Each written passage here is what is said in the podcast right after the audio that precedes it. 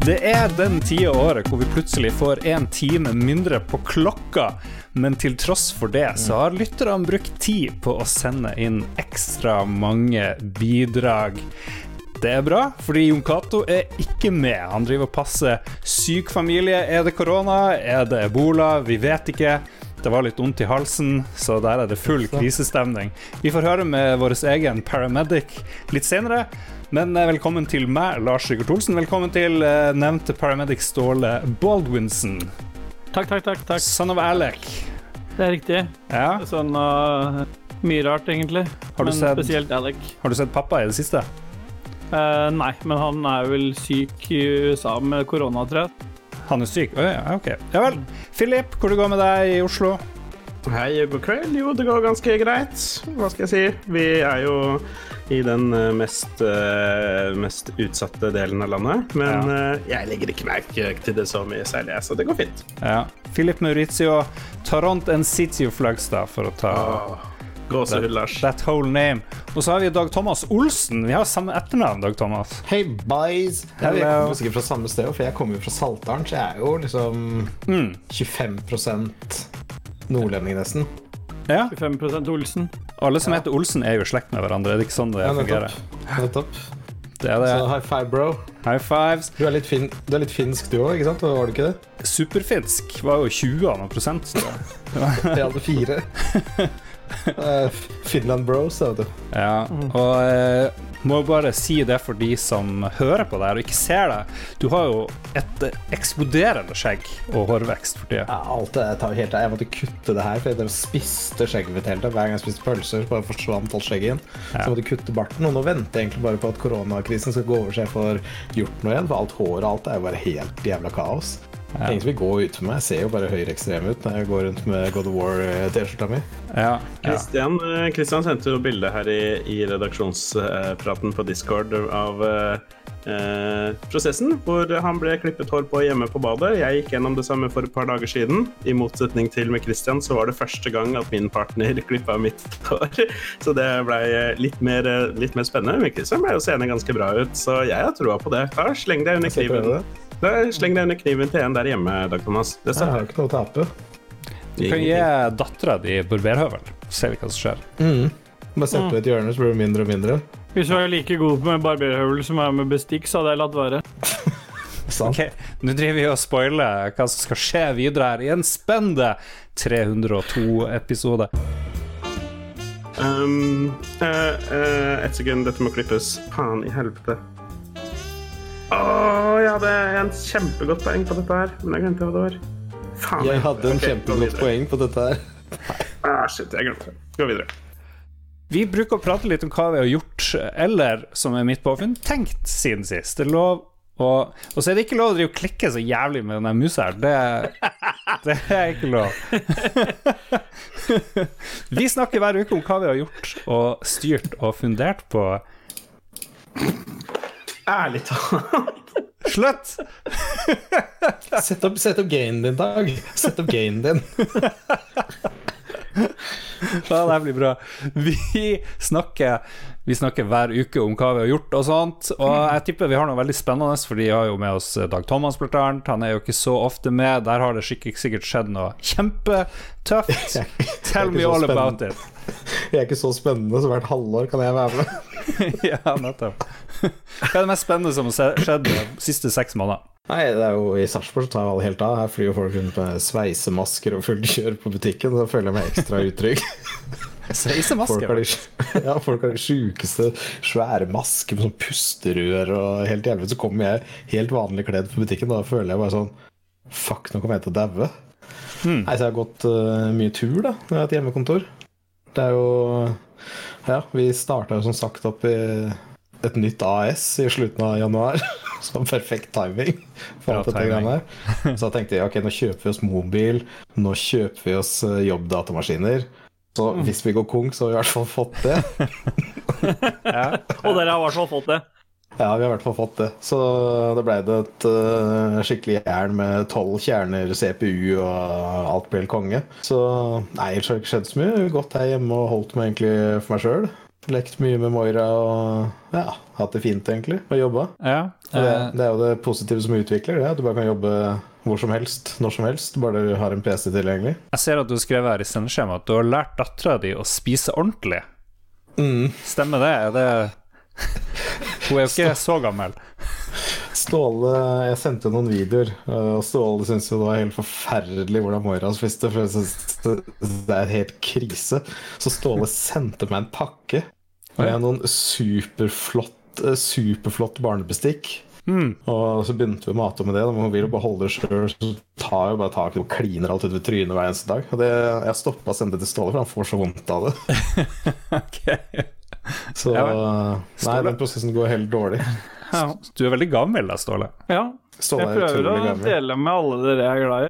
Jul, eh, julebordet så ga jeg dere gaver. Og nei, altså, husk på at jeg gir jo av statslønn, så det er jo egentlig skattepenger dere får tilbake igjen. Det. Ja, og det Ja. føles jo godt, på en måte. Ja. I hvert fall nå, si. Ja. Ståle er på, på julegavelista mi for i år. Høyt oppe. Ja, Hvis det blir overskudd og ikke går konk. ja, ja. Men da kan jeg heller få være med på gjelda. Da kan jeg gave det. Ja. Det er Det er veldig koselig å ha deg med, Dag Thomas. Og så har vi med Hyggelig, oss eh, Philip eh, og eh, Returns. Hvor det går? Jo da, det går jo greit. Eh, Det har eh, vært en relativt aktiv uke på innspillingsfronten siden sist, selv om jeg ikke har vært å høre på Lolbua, eh, den alminnelige podkasten. Dette After Dark-konseptet har fått seg en, eh, en enorm eh, Hva skal vi si resurrection. Han kom tilbake fra, de, fra dvale etter en eh, enormt suksessfull eh, Game of the Year-episode litt tidligere her. Um, Ja. Det ble jo spilt inn en Lolba 300-episode som var veldig artig og veldig koselig, men uh, noen av oss tenkte at den trengte et litt mer folkelig preg, så vi spilte inn en egen After Dark 300-spesial her forrige mandag for seks dager siden. Eh, og så var det så gøy at vi spilte jaggu inn en After Dark-episode til nå, uh, siden nå fredag som var. Oi, Eh, Det visste jeg ikke. avhengig ja, se, ikke engang du får med deg alt. Eh, og litt, eh, nå, skal vi jo, nå er snart eh, episode 300 klar, det får vi høre litt mer om når vi skal snakke med Ståle. fordi dette hadde ikke skjedd uten han, for å si det sånn. Når disse to har kommet ut, så får vi se litt på hvordan, hvordan tilbakemeldingen er. Og hvis det er noe folk har lyst til å høre mer av, så er det noe vi kommer til å gjøre mer av. Så det har vært, vært litt jobb med det. Men det har vært det er veldig gøy da å drive med. Så, så får vi håpe at noen setter litt pris på det. Ok. Det høres uh, Jeg er skeptisk. Skeptisk med en gang, må innrømmes. Vi nevner ikke- vi nevner ikke deg i det hele tatt, Lars. til, Når du slipper ut unga sånn som det du har gjort nå, Lars, Mm. og du nekter å invitere unga inn på voksenbursdag, ref. episode 300, da gjør vi sånn um, Det er jo den perfekte overgangen, fordi jeg har jo måttet uh, lære meg å klippe. Ja. Uh, fordi den eneste regelen jeg har fått av Lars tidligere når vi har gjort sånne ting, det er lag hva du vil, men du må klippe det sjøl. og da, forrige gang så tok jeg bare det råmaterialet vi hadde, slang det ut, bare tima det, og så slang jeg det ut med litt tips fra deg. Og så korrigerte du litt på det. Men denne gangen så har jeg egentlig gått bananas, type seks timer i dag, for å klippe bort eh, klikkelyder på mus til alt mulig. Men uh, Den nye lydnazien har Ja, fått en arvtaker. Ja, på en, ja det er, du, jeg skjønner hva du mener på en ny måte, kan jeg si. da. Ja. Nei, Vi får se om det her kommer ut i generell distribusjon, eller om det her kun skal forbeholdes uh, Patriots. Der har vi jo ikke, det har vi ikke diskutert ennå, så det får vi ta på bakrommet.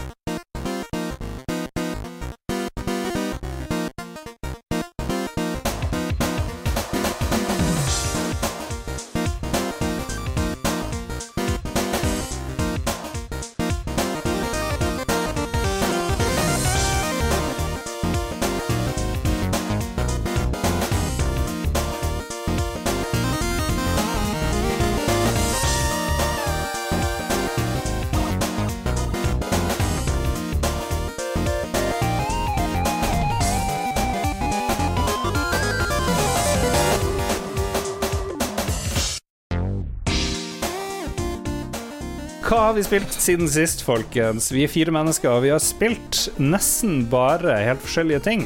Jeg kan begynne. Jeg har sittet i dag eh, og så på PlayStation at Control fra finske Remedy er på 60% salg, så for en litt over 200 kroner så kunne jeg laste ned det som visstnok, ifølge bl.a. Mats, var fjorårets eh, beste spill. Så eh, førsteinntrykk veldig kult.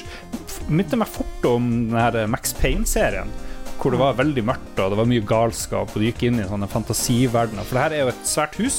Det er en slags FBI for paranormale ting, som det bare går helt bananas. Direktøren eh, ser ut til å skyte seg sjøl i starten. Du kommer inn i bygget, går inn på kontorene hans, plukker opp en sånn weird, overnaturlig pistol, og så plutselig er du i en sånn trial, og når du klarer den, så er du den nye direktøren for hele huset. Så alle de ansatte de bare Ja, ja, da rapporterer vi til han. For det kommer bilder av deg oppå veggen og sånt.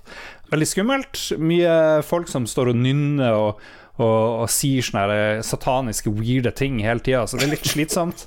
Eh, men kult. Noe som er ekte slitsomt, er at det er så sykt mye collectibles, og jeg liker jo collectibles, men de, jeg, jeg leser jo alle, jeg har sånn OCD på det, jeg må se hva det er, jeg må plukke opp alt, og så er det mye uinteressant drit. Så gameplay blir stykka opp av at jeg går rundt og kikker. Men ellers så er det tredjeperson eh, skyting og paranormale evner og, og eh, weird shit som skjer. Eh, Det er Veldig ikke kult. mest av sånn collectibles, da. Det er ikke så ha- halvgærent, men hvis du har litt sånn, som du sier, da, litt OCD på det, så Mm. blir jo alle sånne spill litt trøblete. Men uh, har du møtt Atti nå? Om jeg har møtt Jeg har vaktmesteren. Ja, han møtte du jo med en gang. Ja, han uh, blir mer fremtredende. Så bare kose seg. Ja. Skal vi se Hvis vi Du, tar en liten du havner i en orgie med han og to av de der bademesterne der inne. Og bare satanistiske vers, så får du høre hele verset. En orgie. Jesus Christ. Har alle spilt Controller? Nei. Nei. Nei. Det er det greiene hvor du kaster masse ting opp i lufta og kaster på folk og sånn. Det er, det Det noe sånn spillet han snakka om det nettopp. Nei, imponerte meg ikke. telekinese-greier. Det var third person, og ikke noe Milsim. ja, nettopp. Jeg glemte at du er hard to get på spillene. Ja. Nei, men jeg skal mose på videre. Jeg er veldig fornøyd. Skal vi se. Uh, Philip, hva du har spilt? Jeg har selvfølgelig fortsatt på det fantastiske God of War. Det er jo så bra. Vi er, jeg har snakka om det tidligere i hva jeg har spilt siden sist. Jeg vil bare nevne at jeg nå er på Sigrun, den eh, siste valkyrie-dronningen. Eh, slo du henne, Lars, når du spilte? Nei. Det, var en, det, er, det er et sånn ekstra, ekstra boss-opplegg. Eh, drep alt, eller ja. ja. Ta alle valkyrjene, og så får du Sigrun til slutt. Og det er en vanskeligere boss enn siste bossen. Ja, Og- ja, ja. ja. Nei, jeg prøvde. Jeg har ikke klart å ta alle. Men det er jæklig gøy, da. Nei, Kjempeartig. og det er, er derfor jeg på en måte har giddet å lagt inn nok tid til å komme så langt. Eh, Jeg har ikke klart å ta den ennå, men jobber på det. Så det spillet det skal jeg nok holde på med en liten stund til. Det er veldig artig. Men eh, sånn semi-nytt siden sist, noe jeg også har nevnt i denne spolten, men det er mange måneder siden, er Sea of Thieves. Um, og dette Sea of Thieves har jo vært et heftig tema i Lolbua i lang, lang tid, mye pga. Ståle. Um, jeg er jo veldig glad i å lage underholdning på stream, og noe folk liker å se, er Ståle.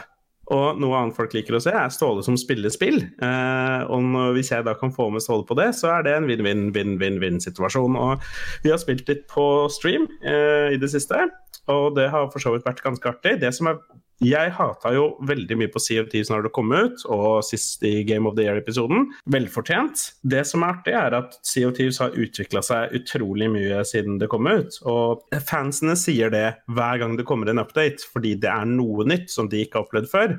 Men for meg, som, som liksom da så spillet i en fase og ser det i en helt annen fase nå, så er det, det er nesten to forskjellige spill som jeg har mulighet til å kose meg med på to helt forskjellige måter. Og det har vært ganske underholdende, disse, disse turene med Ståle på Børdian Blå på stream, med et par lyttere som har guida oss og hjulpet oss og vært veldig eh, frustrerte over eh, fremgangen din, men eh, det har likevel kommet seg. Og så har vi selvfølgelig vært med et par eh, litt mer eh, semi-aggressive diskusjoner med Ståle sine venner, som misliker veldig at jeg ikke At, at jeg, jeg ser på Sea of Thieves litt som et MMO. Eh, Det er jo kanskje egentlig litt det. Og eh, i et MMO så liker jeg å ha eh, tilbake, spillmekaniske tilbakemeldinger som, hvor jeg på en måte hvor jeg har en type progresjon. Eh, sånn som å få et level høyere, eller å få mer i styrke, eller mer i whatever. ikke sant? Det er sånn som vi liker. Og i Sea of Thieves så er det ikke noe sånn. Det det er, det er to ting. Det er på en måte det er tall som blir høyere, altså du får mer penger, og eller at du får mer en høyere status hos noen. Og så er det en visuell progresjon. Og, eller det er en visuell forandring etter hvert som du kommer lenger og gjør det bra i spillet. Så du kan se noen som har på seg kule klær og tenke wow, han har gjort noe spesielt for å få tak i de kule klærne, men det sier ikke noe om hvor flink han er i spillet. Mens i World of Warcraft eller hvem som helst andre MMO-er, så er det det aspektet der. Og jeg sier ikke at det er galt eller bedre eller noe sånt noe, men det er noe jeg savner ved spillet. Men ja, Ståle har fortalt meg at det har vært noe sånn PVP-greier og sånn, og hvis du hadde fått inn noen rankings der og sånn, så hadde det plutselig på en måte vært noe å strekke seg etter, utover å bare ha Hello Kitty på seilet sitt. da. Hvis det blir rankings der, da, så er det Game of the Year 2020. Men eh, ok. Ja, vi kåra jo Sea of Thieves til årets beste spill i Ja. 2018. Dag Thomas, jeg er redd for å spørre, hva har du spilt i det siste? Jeg har spilt uh, Doom Eternal. Jeg streama det jo litt. Det, jeg fant vel ut at det er vel ikke akkurat et spill som er så veldig bra å streame. Du får jo ikke sett på noen chat eller noen ting, eller forholdt deg til hva noen sier. Det var bare svette, det var skriking. Jeg syns det var helt jævlig. Etter den dagen streama Doom Eternal på Nightmare i tre timer. Jeg, jeg var helt sånn neddynka i svette.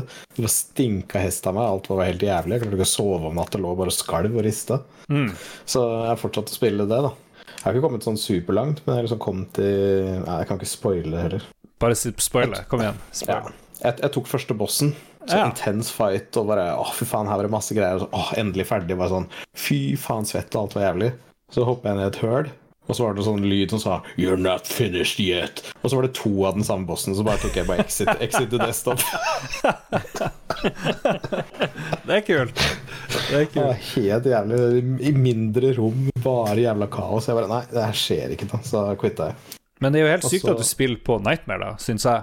For det er jo det som gjør at du blir så svett og Jo, intens. nei, det gjør det. Altså, jo, altså sånn jeg, jeg spilte den Doom 2016 på Nightmare. Da bare satte jeg på Nightmare, og så starta jeg på Twitch.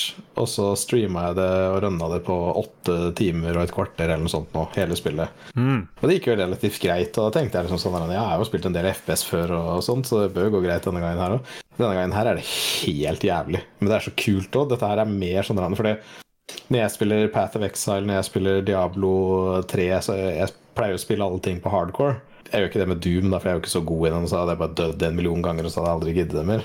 Mm. Men det er noe med det der å spille det skikkelig utfordrende og bare, bare føle at faen, jeg er så ræva, hvorfor får jeg ikke til dette her? Og så blir du så jævlig glad når du får det til. Og så varer spillet litt lenger også. Så er, eh, noen spiller Doom fordi at det bare moser mosemonster i trynet med hagle, men eh, nei, det er, det er skikkelig bra balansert. Det er et dritkult spill.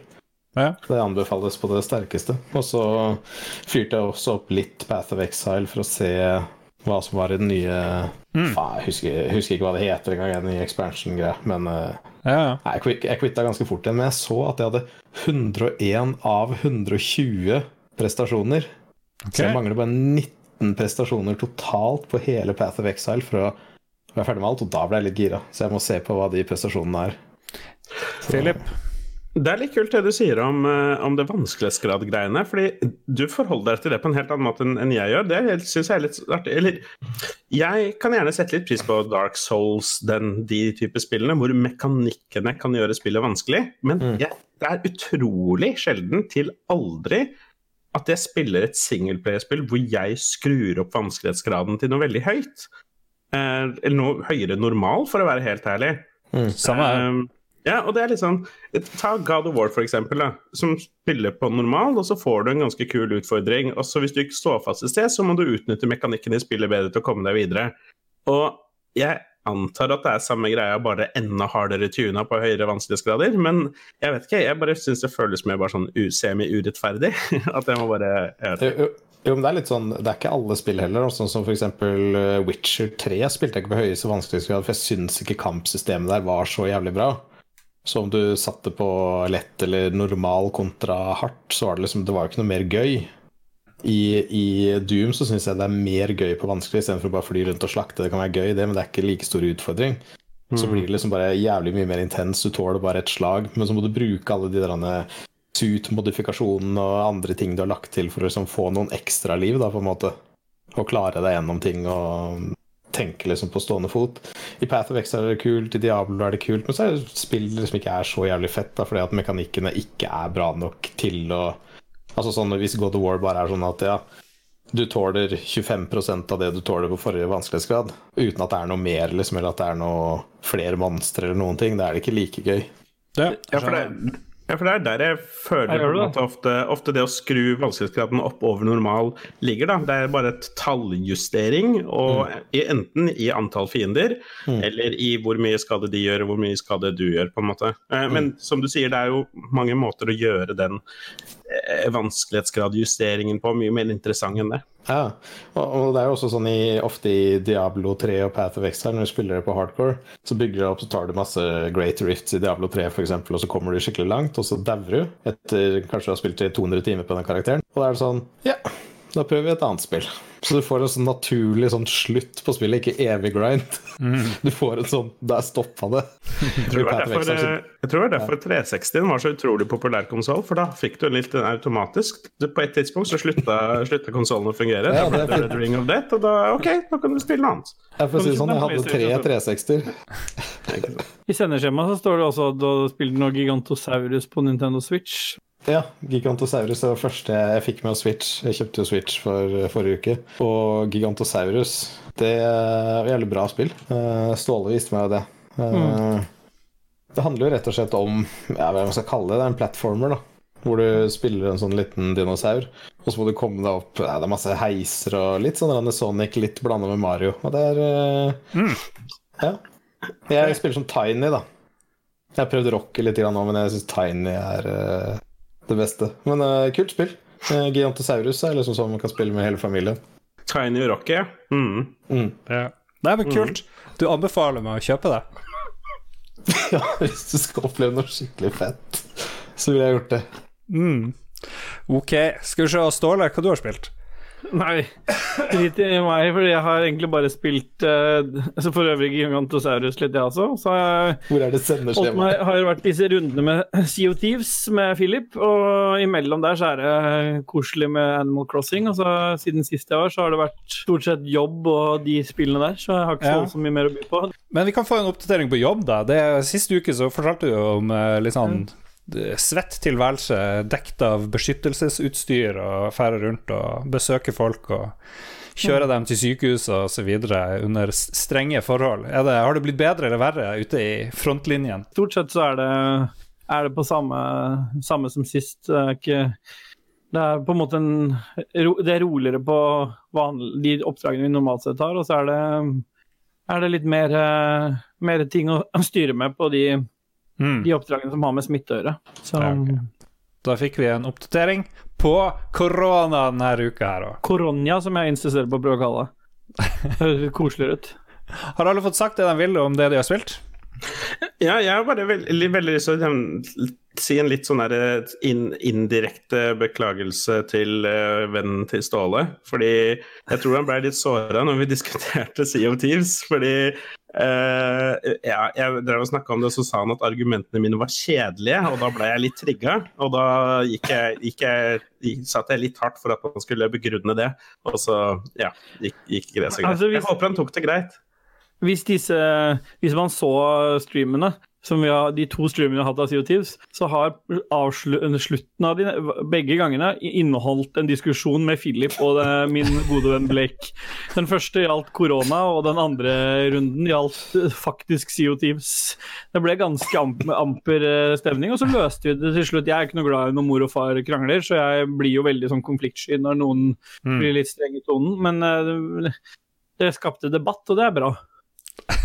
Ja, jeg kan ikke tro at eh, Philip provoserer noen, det har aldri skjedd uh, før. Hvem som helst som vil komme på stream og diskutere hva som helst, jeg er åpen for det.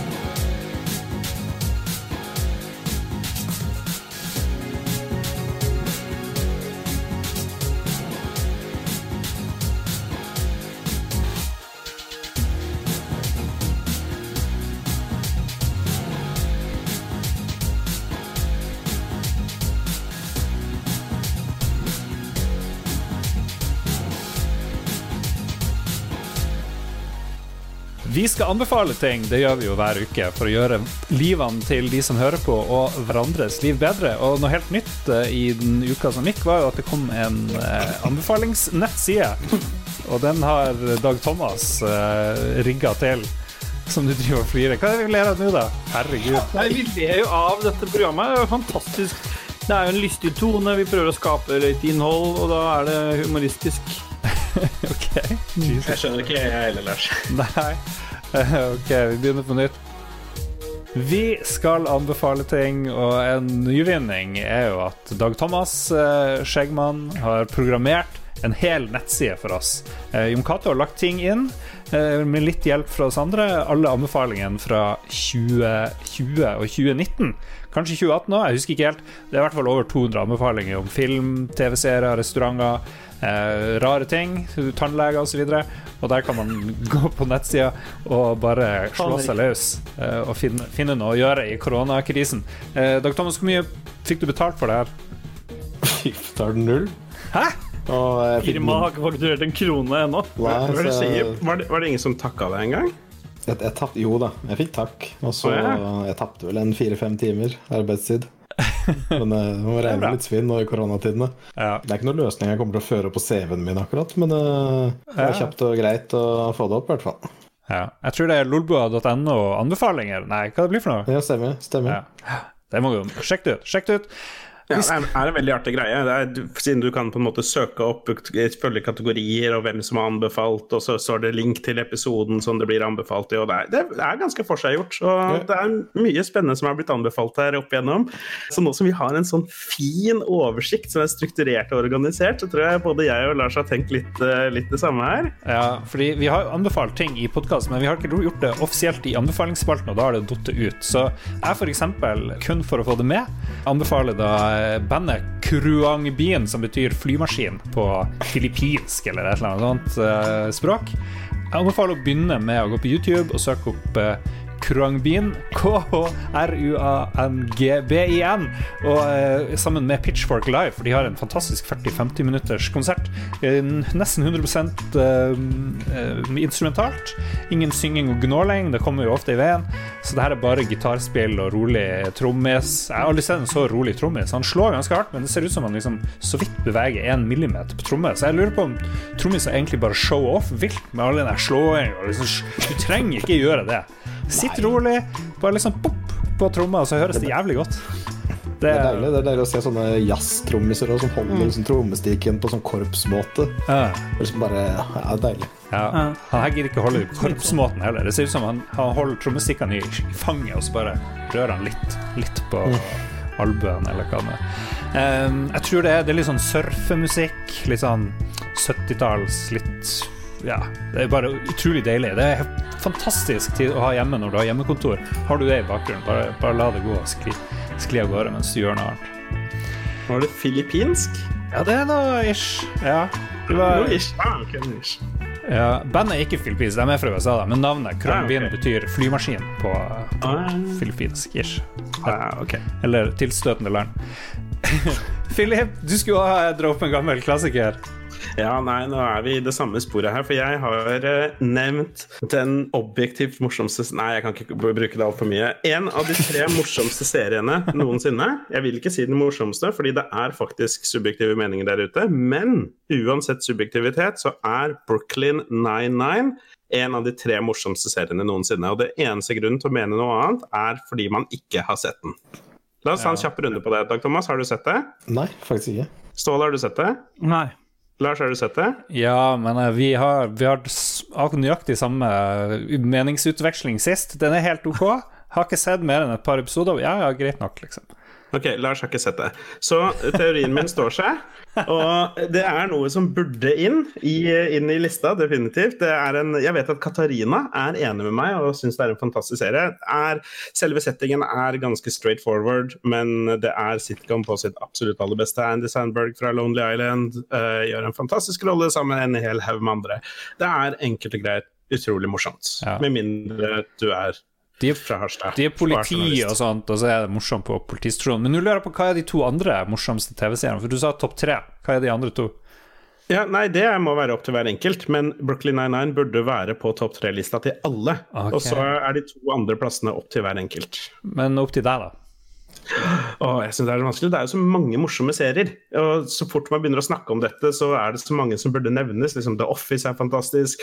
Begge versjoner, for så vidt. Parks and Recreation er utrolig gøy. Og så har du It's Always Sunny in Philadelphia, som er hysterisk til tider. Og nei, det, det, er, eh, det er veldig mange veldig morsomme serier. Jeg har bare sett Parks and Recreations. Ikke noe av det andre. Jeg veit at du burde se Office og sånt, jeg bare har ikke gjort det. Du må se It's Always Sunny, for det er så mørkt og svart og grusomt. Det Jeg er bare drama-kid, jeg. Jeg Bare ser på drama. Tung jævla drama. Ok.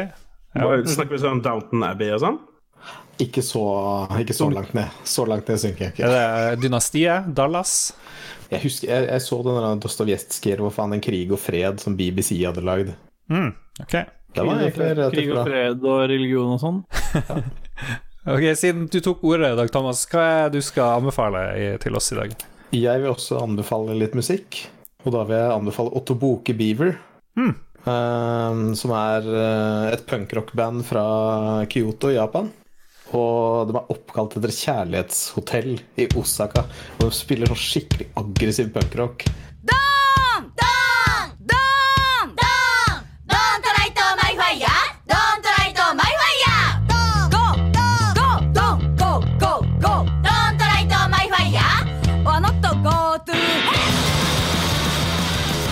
Og det er deilig med litt sånn eh, japanske stemmer og hyppige sånn tempoendringer og masse spray. Det er kult. Ja. Otto, Bo- Otto Boke Beaver. Jeg har vært på Love Hotel, men jeg tror ikke det var det. For jeg har aldri vært i Osaka. Mest sannsynlig så var det ikke det. Hvorfor var du på Love Hotel? Nei, det kan vi ta en annen gang. Jeg tror kanskje du må forklare at Love Hotel ikke utelukkende er et sted man går for å ligge med prostituerte. For det er sånn det høres ut. Nei, nei, det er jo Folk bor så tett opp hverandre i Japan at hvis du skal ha deg med noen, så bor du hjemme med foreldre og syv tanter osv. Så, videre. så, da, så da drar du på et lovhotell uansett eh, hvem, du, hvem eller hva du skal holde på med. hotell, altså. Ja, ja, det er det. Veldig fint. Det var sånn hjerteforma seng. Og det var ja, ordentlig greier. Koselig. Og, og det får meg jo, apropos elskov, så får det meg over på min. Fordi jeg har tenkt som dere to også at um, For jeg har fått et, par, øh, fått et par øh, tilbakemeldinger på at noen savner min aller første anbefaling. Uh, og det passer perfekt nå i disse isolasjonstider, når man skal sitte hjemme.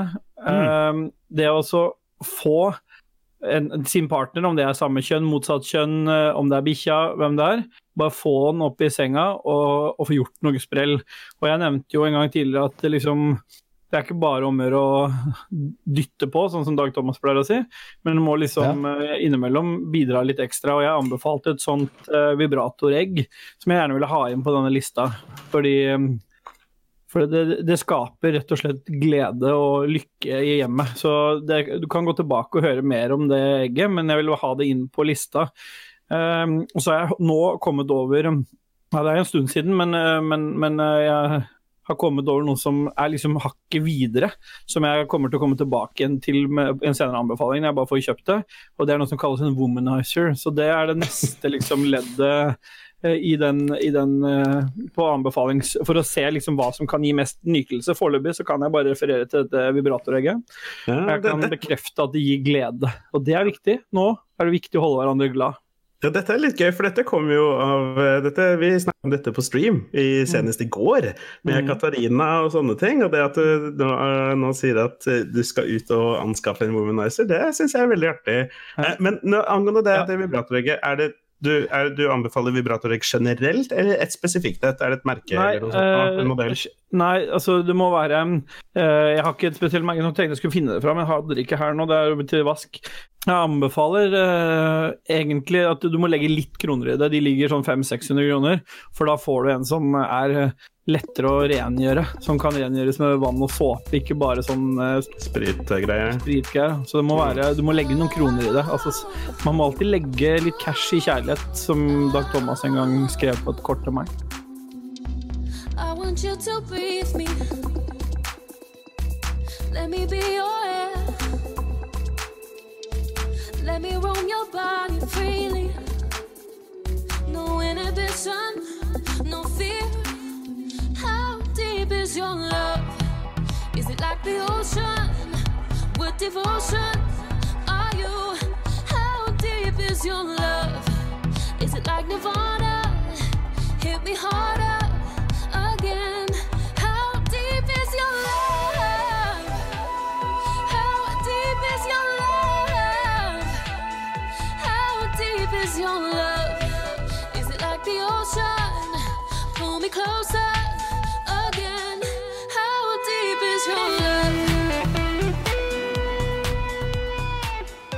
Akkurat som koronasmitten så er vi effektive. Vi bare sklir gjennom punktene her så fort som bare det. Vi har kommet til lytterspalten, og eh, den første eh, som har noe her, det er Kent Bertilsen, som lurer på hvorfor er Ståle tykkere enn de andre? Mens eh, Ståle og Dag Thomas gjør seg ferdig med latteren sin, så skal jeg ta og go out on a limb, og så skal jeg tippe at det er en kombinasjon av gener, av eh, oppvekst, av eh, samfunnsøkonomiske hensyn som Ståle vokste opp under. Jeg vil jo påstå at du har et poeng der. Pluss at jeg er veldig glad i å spise meg mett. da. Ja. Okay. Men ak ak akkurat der har jeg forandra meg litt, fordi min store feil har tidligere å spise etter at jeg har blitt mett, fordi det er godt, og så fortsetter jeg å spise fordi det er digg. Det samme her. Det har faktisk hjulpet for meg å bare å slutte å spise når jeg faktisk er mett. Ja, men det skal litt til, da, tenker jeg. Jeg, jeg, jeg hiver så jævlig innpå. Så er det liksom jeg har spist opp alt, og så går det ti minutter, så er det å fy faen, så mett med å åpne buksesekken og drite, og alt er bare helt krise. Ja. Ja. Men du, du deler jo bilder ofte når du er og et, eh, Dag Thomas, og da Og er det jo var det du ville ta opp. Av alle ting han deler bilder av, så var det spise. Ja, ja, ja. Det er jo, men det er mye gatekjøkken, er det ikke det? Det er mye gatekjøkken. Ja, Det er, øh, det er lettvint, da. det Og så har du baby. Det er sånn her, jeg syns nesten alt er unnskyldt når man har baby. Ja, det er mye av det òg. Ja. For alt tar tid. Mm. Dessuten digger jo Moira cheeseburgers, så Det gjør hun vel. Ok. Vi går videre til Are Sunde, som ønsker seg en koseepisode med kun positive og hyggelige ting, helt uten koronasnakk. Det, det fikk du jo nesten. Jeg vet ikke Jeg vet ikke om du føler at du fikk en koseepisode med positive og hyggelige ting. Juryen er ute der. Eh, Are, jeg likte veldig godt den meldinga. Jeg ga den et lite hjerte på Facebook og alt mulig. Jeg syns det har vært kjempekoselig å bare, bare fokusere på helt andre ting. Så vi prøver så godt vi kan. Ja, vi prøver så godt vi kan. Skal vi se Arne, Arne Lund, hvem har lyst til å ta han? Ståle, vær så god. Ja, demoer og prolog som viser Nei, nå eh, kan ikke noen andre ta det, for det kommer ikke til å Jeg ser at Philip, dette ikke kommer til å gå. Vær så god, Arne. Jeg, kommer til, jeg ser at ikke dette kommer til å gå i Vi sendeskjema. har, vi har eh, eh, neste innspill fra Arne Lund. Han sier demoer og prolog, som visst er det nye ordet. Og hvor effektivt er det? Hva funker best? Han sier han er på sjette time med Dragon Quest-demoen og hadde ikke kjøpt spillet før time fem, og nå er jeg superklar for å kjøpe det. Jeg vet ikke helt, liksom Dette prolog-systemet det er ikke noe jeg er veldig godt kjent med, men det virker da ut som denne Dragon Quest-demon slash prologen er, en er en, den første delen av spillet, og så velger du om du vil kjøpe spill etter det. Ja, det kom jo en uh, prolog til uh, Metal Gear Solid 5. Ground Zeros eh, heter det. Ja, Det er ganske populært. Ja. Ja, og det, men det kosta sånn 250 det, Eller det var ikke et fullverdig spill, på ingen måte. Vi kjøpte, oss, vi kjøpte oss jo Switch òg. Jeg skulle si noe mer, Philip? Bare... Nei, nei, nei. nei, vi kjøpte oss jo Switch nå, og da prøvde Janina demoen på Octopath Traveler.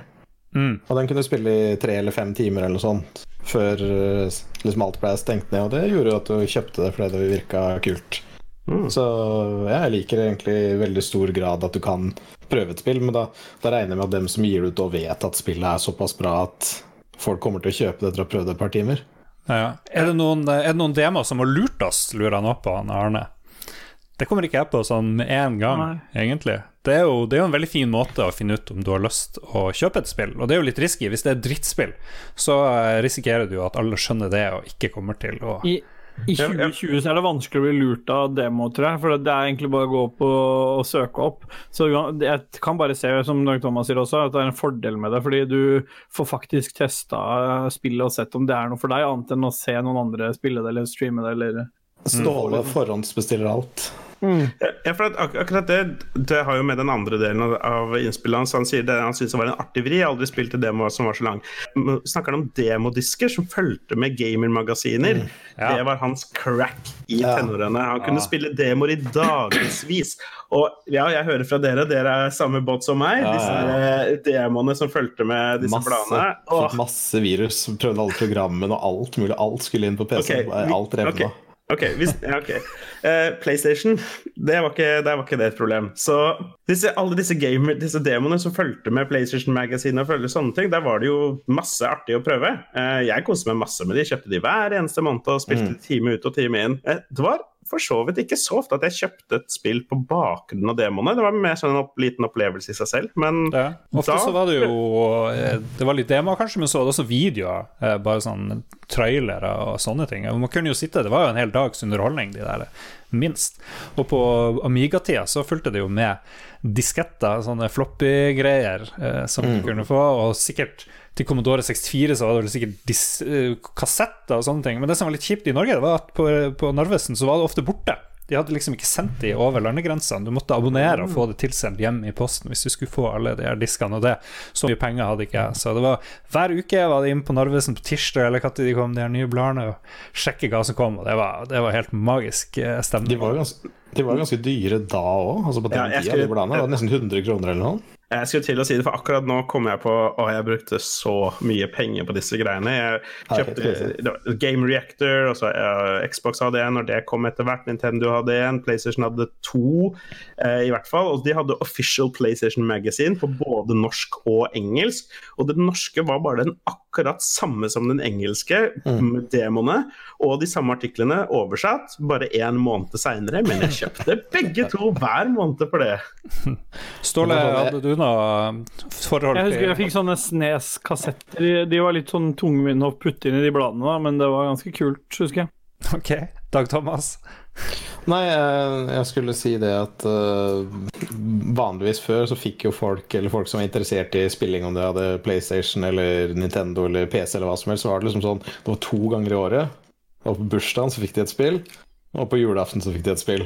Så liksom, hvis du kjøpte et spill, og det var skikkelig dritt, liksom, så måtte du, du måtte spille det. Det var sånn, du har tatt det valget. Men- jeg, jeg tok noen dårlige valg noen ganger. liksom Kjøpte noe sånn Police Quest eh, 4 eller eh, et eller annet sånt. Og det var liksom ikke så jævlig fett å måtte sitte og spille det et halvt år. Jeg, jeg snakka med deg med, med, med sånn Felix i stad, om hvordan jeg var liten. Så du spilte ferdig det spillet du hadde, for du hadde ikke valg. Men i dag så kjøper jeg et spill, og hvis jeg ikke liker det så godt, så fullfører jeg det ikke, liksom. Jeg bare kjøper Nei. noe annet. Og hun syns jeg er blitt veldig bortskjemt. Ja. Ja, men det, er bill, det er jo billigere for spill nå enn det var den gangen. Så jeg husker jo samme. Og jeg, var- jeg har jo hatt bursdag opp mot, jeg hadde jo bursdag opp mot, eh, mot jul, så jeg klarte liksom alltid å kunne ønske meg et, eh, et spill. Og det var jo fort sånn 800-900 kroner for et Snes-spill eh, på tidlig 90-tall, så det var liksom det, det var det du fikk og hadde en god stund, liksom. Så um, Så sykt dyrt. så det er, det er hevn. Mm. Det er en hevn for å måtte spille mye skit. For jeg husker faren min insisterte på å skulle kjøpe andre ting som han syntes så kult ut. Så øh, når jeg hadde et ønske, så fikk jeg, fikk jeg noe annet skit som jeg alltid måtte teste ut. Så da, da er hevnen min i voksen alder er bare å kjøpe alt mulig. F.eks. bruke 3000 på timer på of Thieves har vært liksom min hevn til Ja, Jeg har husker- pappa som kjøper spill i det hele tatt, syns jeg høres ut som et luksusproblem. Men eh, Ja, pappa han, eh, for å si det sånn, pappa hadde vel 225 reisedager i året eller noe sånt nå, så det er vel jævlig mye dårlig samvittighet, så det rant inn spill. det var så jævlig mange spill. Vi hadde liksom sånn, Du gikk inn til folk, så har du liksom sånn tre spill i hylla. Vi hadde sånn sju-åtte Ikea-hyller bare fulle med Wow. PC-spill nedover hele. Du og han. Eh, Jeg, lik, jeg likte dette, dette innspillet veldig godt fra Arne. og Det fikk meg litt til å tenke på litt som ble nevnt her, at uh, i forhold til demoer i dag Uh, Det var en veldig stor greie før, og nå har kanskje YouTube-videoene tatt over. At vi ser, at vi ser videoer i stedet. Fordi Du nevnte Octopath Traveler, og vi ser dette nå med, med, med Dragon Quest, men jeg har ikke spilt en demo på mange år, det er jeg helt sikker på. Jeg, Jeg har ikke spilt en demo på mange år, det er jeg helt sikker på. Jeg var ikke helt sikker på om de faktisk eksisterte engang. Ståle, Lars? Det var jo Final Fantasy 7-demo. Det er jo Ja, du ah, ja, faen! Jeg stussa på det, skjønner du. Jeg tenkte nå er du bare driver jeg. Ok, Bortsett fra den. Bortsett fra den. Eh, Hva sier utvikleren Jon Cato om demo Er de verdt det i forhold til inntjening og ressursbruk? Nærmeste vi har en spillutvikler her, det er jo Dag Thomas, er det ikke det? Hva, hva, du tror, hva du tror han ville svart? uh, ja, nei, jeg tror jeg sikkert, Du må ta det med hans eh, dialekt, da. Ja. Jeg tror jeg tror er verdt det. Nei da, jeg, jeg, jeg vil tro at det sikkert er verdt det for nye IP-er, ting folk ikke er vant til, noe helt nytt, noe som liksom er sånn Mm. Ja, altså, jeg er usikker på. Jeg gidder ikke kjøpe det, for kanskje jeg ikke liker det, liksom. Da gir vi eh, Ståle enda en sjanse på å lese opp et eh, lytterspørsmål. Ja, Jesper eh, Nicholson han uh, sier at potten i euro-jackpot nå for øyeblikket er på 990 millioner kroner, så han lurer på hva vi ville gjort hvis vi vant denne potten. Jeg syns det er et av de morsomste spørsmålene å få da du var liten, og kanskje er fremdeles litt morsomt. Liksom, hva, hva har du gjort med 900 millioner, eller én milliard, som det jo nesten er. Eh, Jeg drev og så på butikken der de hadde de her eh, flaksloddene, og da kan du vinne én million, og så tenkte jeg hvor lenge har det vært én million? Burde de ikke høyne denne summen der? Det har vært jævlig lenge. Så det er én million nå, det var liksom det samme som halvannen eller to millioner før, kjennes det ut som. Det er ikke, det er ikke like kult å få én million i dag. Jeg, Ja, det er litt sånn bortskjemt ting å si, men, men det er litt sant. Altså, det er jo kjipt å liksom det, Vinnersjansene på de flaksloddene det er, liksom, det er kjempeliten. Og så, og så hva får du egentlig gjort i 2020 med en million, hvis du skal putte det inn i noe Være kjedelig å putte det inn i, bo- eh, i boligen din eller gjøre noe annet sprell. Liksom. Du får jo så vidt en ny bil, nesten, hvis du skal ha litt standard på den. Det er det jeg syns er nesten semiproblemet med sånne ting som det her. For det er sånn, Vinner du en million, så er det ikke så mange interessante svar, egentlig. Du burde sette de pengene inn i på bok eller betalende lån eller whatever, liksom. Men vinner du 900 millioner, 990 millioner, en milliard, som det er snakk om her, da jeg føler nesten at du drar den for langt i andre enden igjen. For at jeg hadde Mm. ikke klart å bruke opp så mye penger uten å liksom investere i Nei, jeg- ting, nei, jeg eller kjøpe nei, jeg- firmaer, liksom. Nei, faktisk enig. Jeg syns det er jævlig å tenke på hvis jeg, faen meg, hvis jeg hadde rulla inn en milliard på kontoen min. Det hadde, det hadde vært for ille for meg. Det hadde jeg ikke likt i det hele tatt. Jeg kunne, jeg kunne tenkt meg å vinne sånn kanskje seks millioner. Det er perfekt tall. Bare betalt ned alt lån, kjøpt meg en fet bil og bare fortsatt livet som vanlig. Nei, det, hadde ikke, det er ikke nok. Det er ikke nok. 20 millioner tror jeg vi snakker. 6 millioner? Du får ikke du, se, Nei, det, nei, ikke sant? For det er det så gøy med dette her. Du kan kjøpe deg akkurat hvilken bolig du vil, akkurat hvor, akkurat hvilke kjøretøy du vil, akkurat så mange Det kan vil, du med 6 millioner og bare ta opp lån. Nei, ja, ikke sant. Men tror dere det er 990 millioner fordi kronekursen er så jævlig dårlig? Er det Ja, egentlig det tror jeg. 500 Ja, millioner det er seks- euro? 650 Liksom? millioner. Ja. Da ville det vært mer, da. Det er jo det, det jeg sier, det er så høyt fordi det er ganske kronekursen Ja, sånn, er så dårlig. Men um, ja, sånn, ja. Ja, Lars, hadde, du kjøpt Harstad Tidende? uh, ja, kanskje det kunne- kunne man gjort. Kjøpt, kjøpt de og lagt de ned. Uh, bare for gøy. Oh, Nei, men det, det hadde jo vært null problem å bruke 990 millioner. Du bare kjøper en sånn yacht, og så må du plutselig ha sånn 20 mennesker til å jobbe, og så er du fattig om ett år. Det går du kjempefort. yacht i Harstad? Nei, jeg vet ikke. Det var, jeg tror det er kjempelett å bruke opp. Du hadde jo aldri flytta fra Harstad. Så det var liksom bare ja, Jeg kjøper meg yacht. Ja, Og så oppe i bare- Harstad ligger det én Ja, sånn bare faen, skal du gjøre av den yachten? Ja, bare du hadde fortsatt bodd i huset, for du hadde ikke ville flytte derfra. Det er, det er det Dag Thomas har et poeng i. Fordi eh, du har liksom et forhold til den, det livet du har, og den normaliteten du har. Så så mye penger gjør på en måte at du må gjøre noe drastisk. Og det med en gang du er han, han fyren som har yacht og bor i Harstad, som kan bruke én måned i året, bare, men allikevel insisterer på å bo i huset sitt, så er du han litt gærne fyren. Og du kan aldri vite om alle de som henger rundt deg, er der for å bare bli påspandert ting. Altså, dette er disse her klassiske tingene man snakker om, ja. men det er jo et faktum. Og det er, det er nok et snev av sannhet i det. at Det blir jo på en måte en sånn Skulle alltid klart å svi av masse penger på å bare kjøpe masse greier. Ikke sant? Ja, ja. Kanskje kunne lagt inn et høyere bud på Grønland enn Trump, ikke sant. Men det er jo ikke det er, bare, det er bare konsekvensene det fører med seg. Jeg, jeg, med 900 millioner så skulle jeg klart å svi det av, men jeg har ikke noe sånn godt svar på alle de tingene jeg skulle brukt det på. Kanskje jeg skal si at jeg hadde brukt det på andre mennesker. Han, Ja, eh, for, ikke, for da er det mulig å svi av, det tror jeg. Vi skal bruke det på andre mennesker, gi bort, investere, den type greier. Men Mm. hva skal du kjøpe for så mye? Jeg vet ikke. Han kan hete? Mitch? Nei, kan hete? Twitch? Han som lagde Minecraft? Notch, heter han. Mitch, Han, Mitchu, han kjøpte jo bare huset til JC og, og Beyoncé, og ja, det kosta vel Koster kanskje ikke 990 millioner kroner, men det er jo et par hundre Kanskje ikke så mil. langt unna Han heller. Han insisterte på sånne at eh, gigantiske Skittles-dispenser i kjelleren. Eh, Og så insisterte han på at ikke soverommene skulle vaskes før utflytting. Mm. Um, Martin Pettersen. ja, kjør på. Tips til feelgood underholdning som gir en pustepause i hverdagen. Animal Crossing var et godt tips sist, men ikke alle har Nintendo. Ja, ja, ja. Jeg tok tipset med Animal Crossing. Kjøpte en Switch med Animal Crossing. For noe forbanna drit. Men du blir liker jo hardcore-spill, så det visste jeg jo. At du spiller Doom på hardeste vanskelighetsgrad. Klart du ikke kommer til å like Animal Crossing, din idiot. Fy faen, fordi du plukka pærer og noe Det er jo som man sier, da, det er jo feelgood underholdning. Det var det jo. ja. Men hva annet, da? Hva annet kan vi gi av feelgood underholdning som passer til alle? Brooklyn.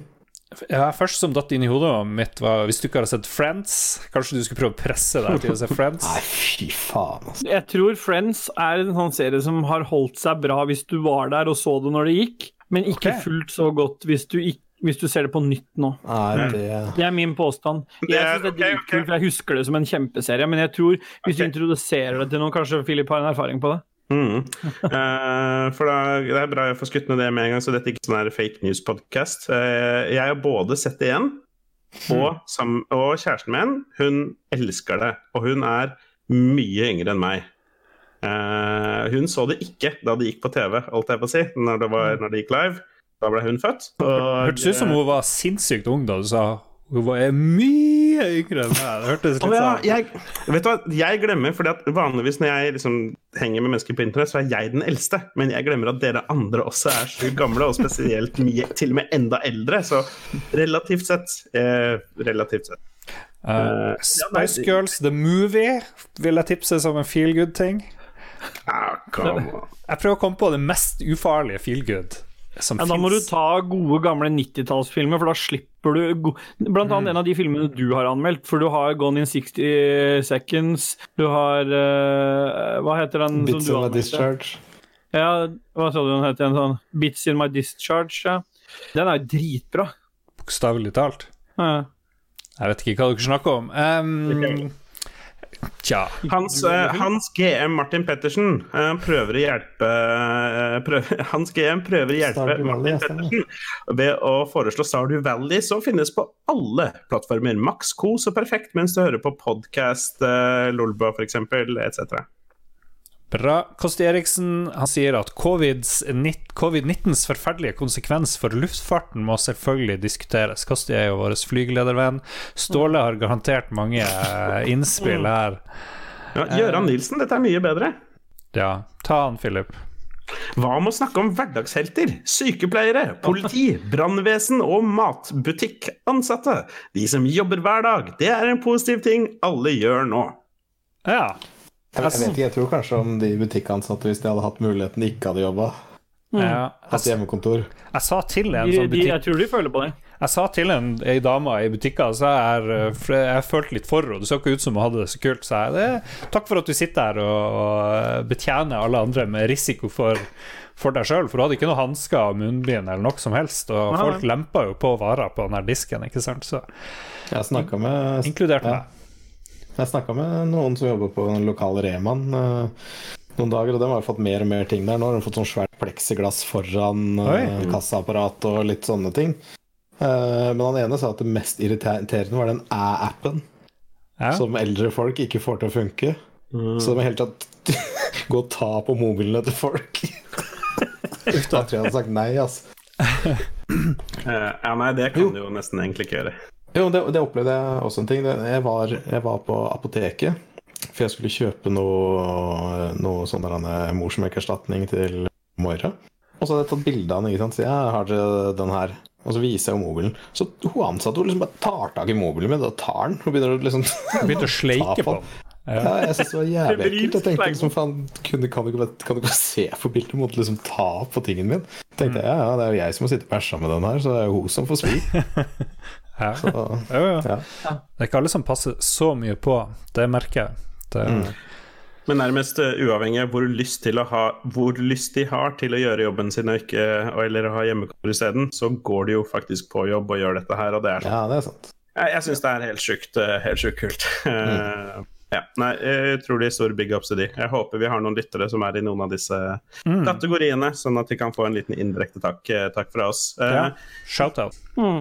Skal vi se Bjørn Bjelland uh, hater sommertid, og alle konsekvenser det har at vi skal stille klokka, og at komfyrer, mikroovner og biler viser ikke ny riktig tid før igjen om et halvt år.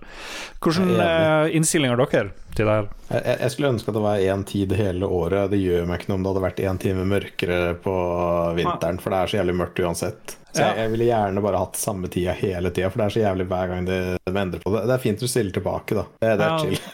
Men framover er bare dritt. Ja. Nei, men fuck det. Det er jo noe EU-vedtak på at de skal kutte det ut, men det tar masse tid, og jeg vet ikke, Det de må bare få gjort det der. nå, skjønte jeg. Skal vi se, eh, En av våre produsenter har et uh, godt spørsmål her. Uh, Hvem skal ta det? Ja.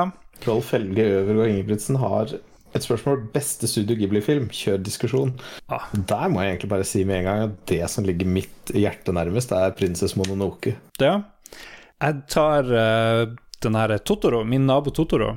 Enig. Ja, den er så flott. Det er en av verdens beste filmer. Jeg bare blir så glad. Der har du feel good, folkens. Hvis dere Mm. ikke har sett Min nabo Totoro, ligger på Netflix nå sammen med drøss andre flotte Hva heter den Ghibli-filmer. Hva heter den filmen om lille heksa? Chihiro Chihiro heksene. Ja, det er det kanskje. Jeg aner ikke. Jeg kan bare norske titler på de her filmene, tydeligvis. Det, Ja. ja. Tonarin og Totoro heter den på japansk. Den, eh, Din beste Ghibli-film, Ståle?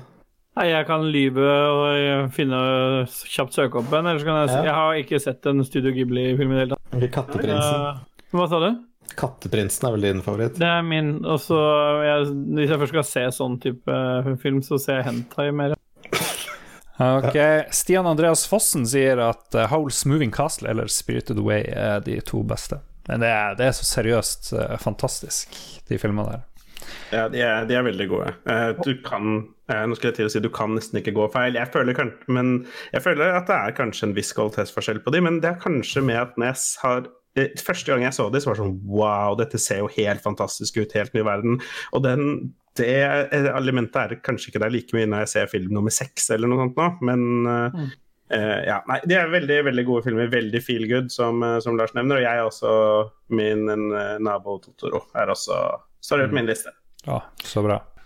Men Adrian Haugen han skriver hvordan tror dere konsollkrigen hadde blitt hvis Sega hadde gjort suksess med Dreamcast? Og kunne satse på enda en ny konsoll? Hadde Sega måttet kaste håndkleet inn til slutt uansett, eller ville kanskje Nintendo, PlayStation eller Xbox ha trukket seg i konsollkrigen? Det er jo interessant. Men Mhm. første Xbox, den kom vel omtrent Etter. samtidig Når kom den i forhold til Dreamcast? Den kom Dreamcast etter kom på slutten av 90-tallet, vel? Ja.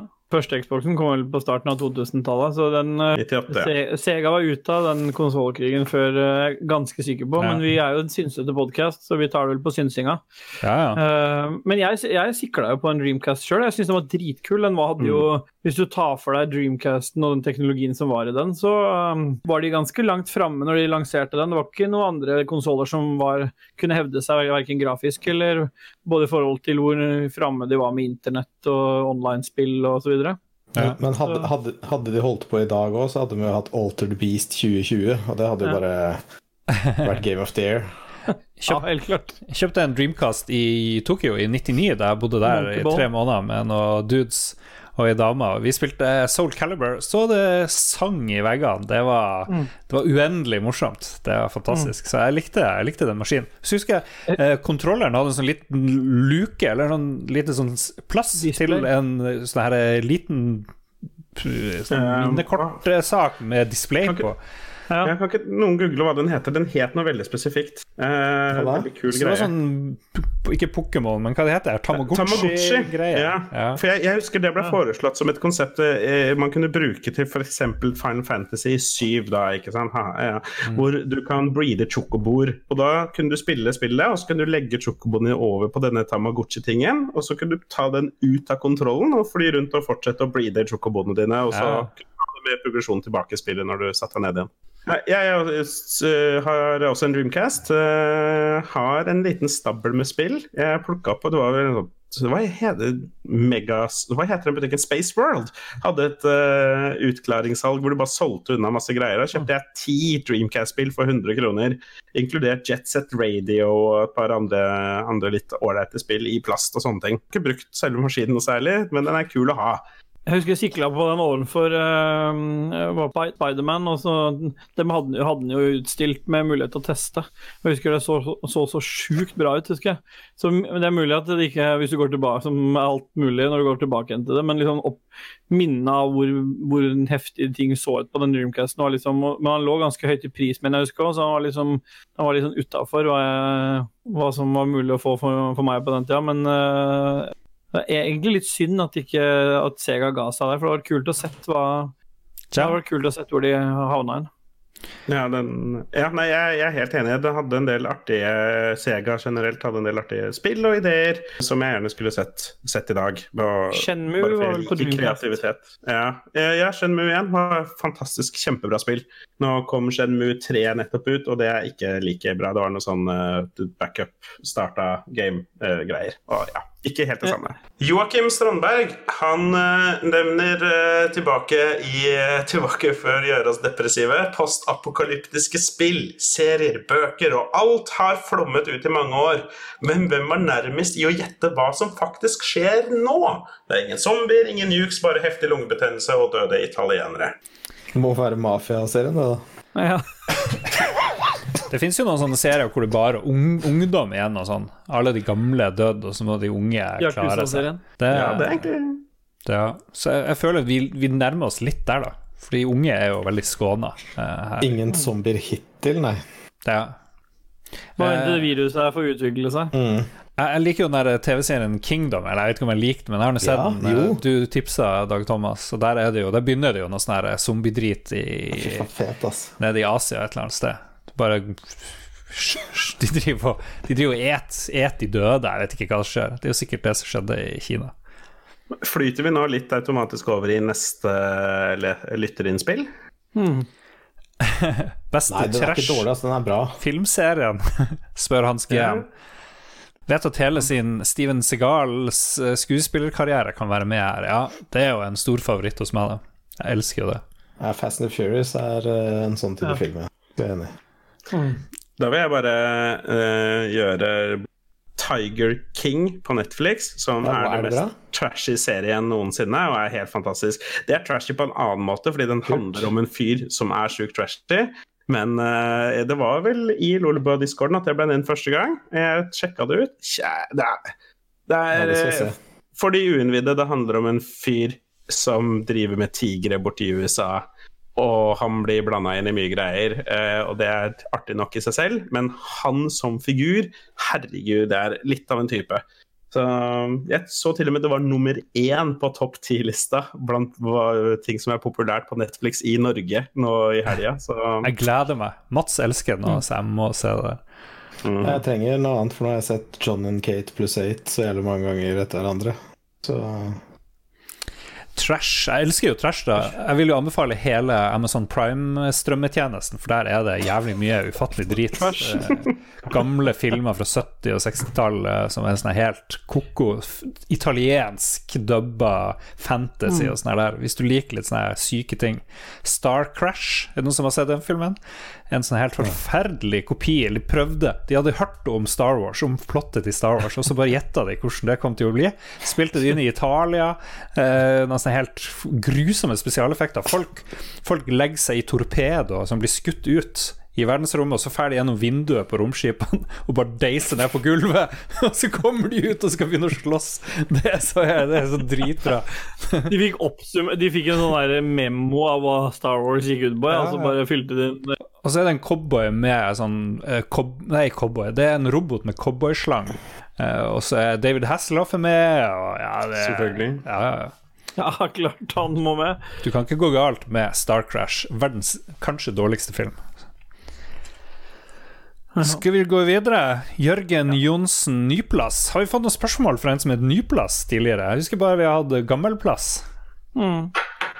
Og mellomplass. Ja, Det prøvde oss. Hvorfor er Gert Nygårdshaugs 'Mengele Zoo' fra 1989 tidenes beste norske bok? Vet du hva, jeg kjøpte noen Nygårdshaug-bøker fra et, en bokhandel som gikk konk. Har ikke lest de, men gleder meg veldig. Du kjøper, alt som det, du kjøper alt som det står Mengele på, da. Jeg lurer på om det handler om en sånn økoterrorist. Eh, kan jeg ta kjempefeil der? Litt sånn usikker. Jeg må google Det det. kan, det kan hende du tar økoterrorist også. Ja. Eh, Det kan hende du tar kjempefeil. Jeg kjenner ikke til den boka her i det hele tatt, som gjør at jeg ble litt nervøs for at jeg var lite intellektuell. Jeg leser, nesten, jeg leser knapt noen bøker, så jeg skal ikke henge meg på. Ja det er noe miljøvern og drit. Historien handler om Mino Achilles Portuguesa, som er født i en landsby i Latin-Amerikas regnskoger. Eh, faren lærer han å jakte på sommerfugler, men en dag så rammer katastrofen, osv. Så, videre. Ja. så jeg tror han blir en slags sånn crazy man. Men er det tidenes beste norske bok? Det kan godt hende. Jeg har hørt folk uh, si fine ting, så jeg gleder meg. Jeg må finne den. Den står i eller annet, eh, en eller annen hylle. Skal vi se Robert Carstensen, eh, Philip, hva han sier Hva var deres favorittspill på Commodore 64 og eller Amiga? Ja, det er verdens beste spørsmål. Hadde noen av dere Commodore 64 eller Amiga? Ikke Philip. Det går ikke an. Nei. Nei, jeg hadde Amstra, det. Ja. Ja, du fikk Dette har vi sånn- vært gjennom før. Tatt på barndommen. Jeg to, to spill jeg i fire år. Ja. Etter at hadde faren din så dårlig samvittighet, så da fikk du hundrevis. Fikk PC isteden. Jeg har for så vidt en Amiga som jeg kjøpte på loppemarked fordi jeg hadde lyst til å ha den i samlinga, men eh, ja. Ha den i samlinga. Nei, det er så mye bra. Det jeg likte best å gjøre på, på Amiga, i hvert fall, det var jo å se sånne demoer. Sånn, det var ikke spill engang, det var bare sånne grafiske presentasjoner av hvor flink folk var å kode og gjøre syke ting. Sånn som uh, Christian, vår venn, gjør på C64. Det er gøy. Ingrid Mille Solheim avslutter lytterspalten 'Sex med Moskva-Marit' eller 'Sex med Dag Thomas Olsen'. Det sto vel noe annet der. Hva det sto for noe? Det sto ikke Dag Thomas der. Jævla stål. Hva det sto for noe? Du ødela det. Herregud. Det blir mer å klippe for deg, Ståle. For å Mama. si det sånn. Jeg har ikke endra noe, jeg. Nei, ja, ja. Nei, men vet du hva, da avslutter vi der. ja Er det noe ehm, Er det noe, noe siste ord, folkens? Vi må takke TTMXMP, Kobrakar84, uh, Anne Beth og Rolf Helge. Rolf Helge Ørgaard Ingebrigtsen, ja. For sin uh, Patrion-innsats, lag med over 100 andre. De er produsenter. Det trenger dere andre ikke gjøre, men dere kan slenge noen dollars vår vei. Det er veldig dyrt nå. Noen har dårlig råd, så vi skjønner hvis dere justerer ned Patrion-ting. Det er helt lov. Men vi kan jo fortelle at uh, 10 dollars Patrions, festdeltakere og over, fikk en uh, roffelbua i slutten av uh, uka som gikk, og den var veldig, veldig gøy. Vi har hatt quiz hvor uh, omtrent alle, bortsett fra Mats og Katarina, tror jeg var med og deltok i quiz. Var du med, Dag Thomas? Du var Nei. med? Nei, du var ikke med. Han er aldri med på noe annet. Aldri med på noe. Ja, du er aldri med på noe. Ja, nei, den episoden var veldig artig. Jeg har fått, eh, det er kommet tilbakemeldinger på at den var morsom. Så hvis du liker morsomme ting, så anbefaler jeg at du, du sjekker ut den. Var jeg med der? Eh, Ja. Det er eh, det var den, det var den quizen hvor du ble sur for at du tapte. Og så blir det quiz på onsdag når denne episoden er klar. Det må dere sjekke ut i vår Discord. Og så blir det DJ-sett på lørdag fra Jon Cato. Det har det i hvert fall blitt det de to siste ukene. Og hvis ikke det har skjedd noe veldig spesielt, så blir det det på lørdag òg, klokka ni. Blir, blir det noe sånn lunsj? Ja, lunsj hver dag i Discord. Nå har jeg jo en ting vi kjører nå for å ha litt å gjøre. De som vil, samles på Discorden i noe som heter hjemmekontorgruppa. Der er noe som heter lunsj. Lunsjchat eller lunsjkontor eller noe sånt. Der er det bare å joine. Det var det vi hadde. Vi er tilbake om en uke. Ha det bra. Ha det bra.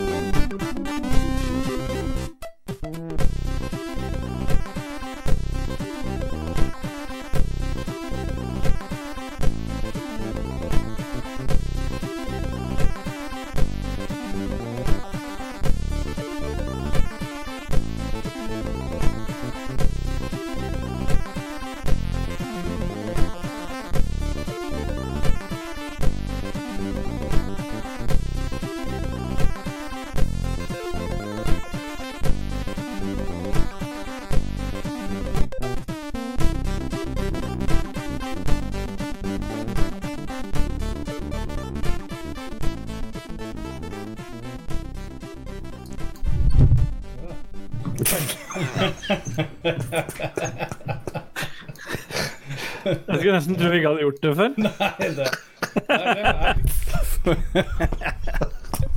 det er så bra. Klipp. episode Jeg håper noen lager noen bra klipp på uh, Lolbua episode 302 og mikken detter ut av stativet. Har du et enkeltpersonforetak eller en liten bedrift? Da er du sikkert lei av å høre meg snakke om hvor enkelt det er med kvitteringer og bilag i fiken, så vi eh, gir oss her, vi. Fordi vi liker enkelt. Fiken superenkelt regnskap.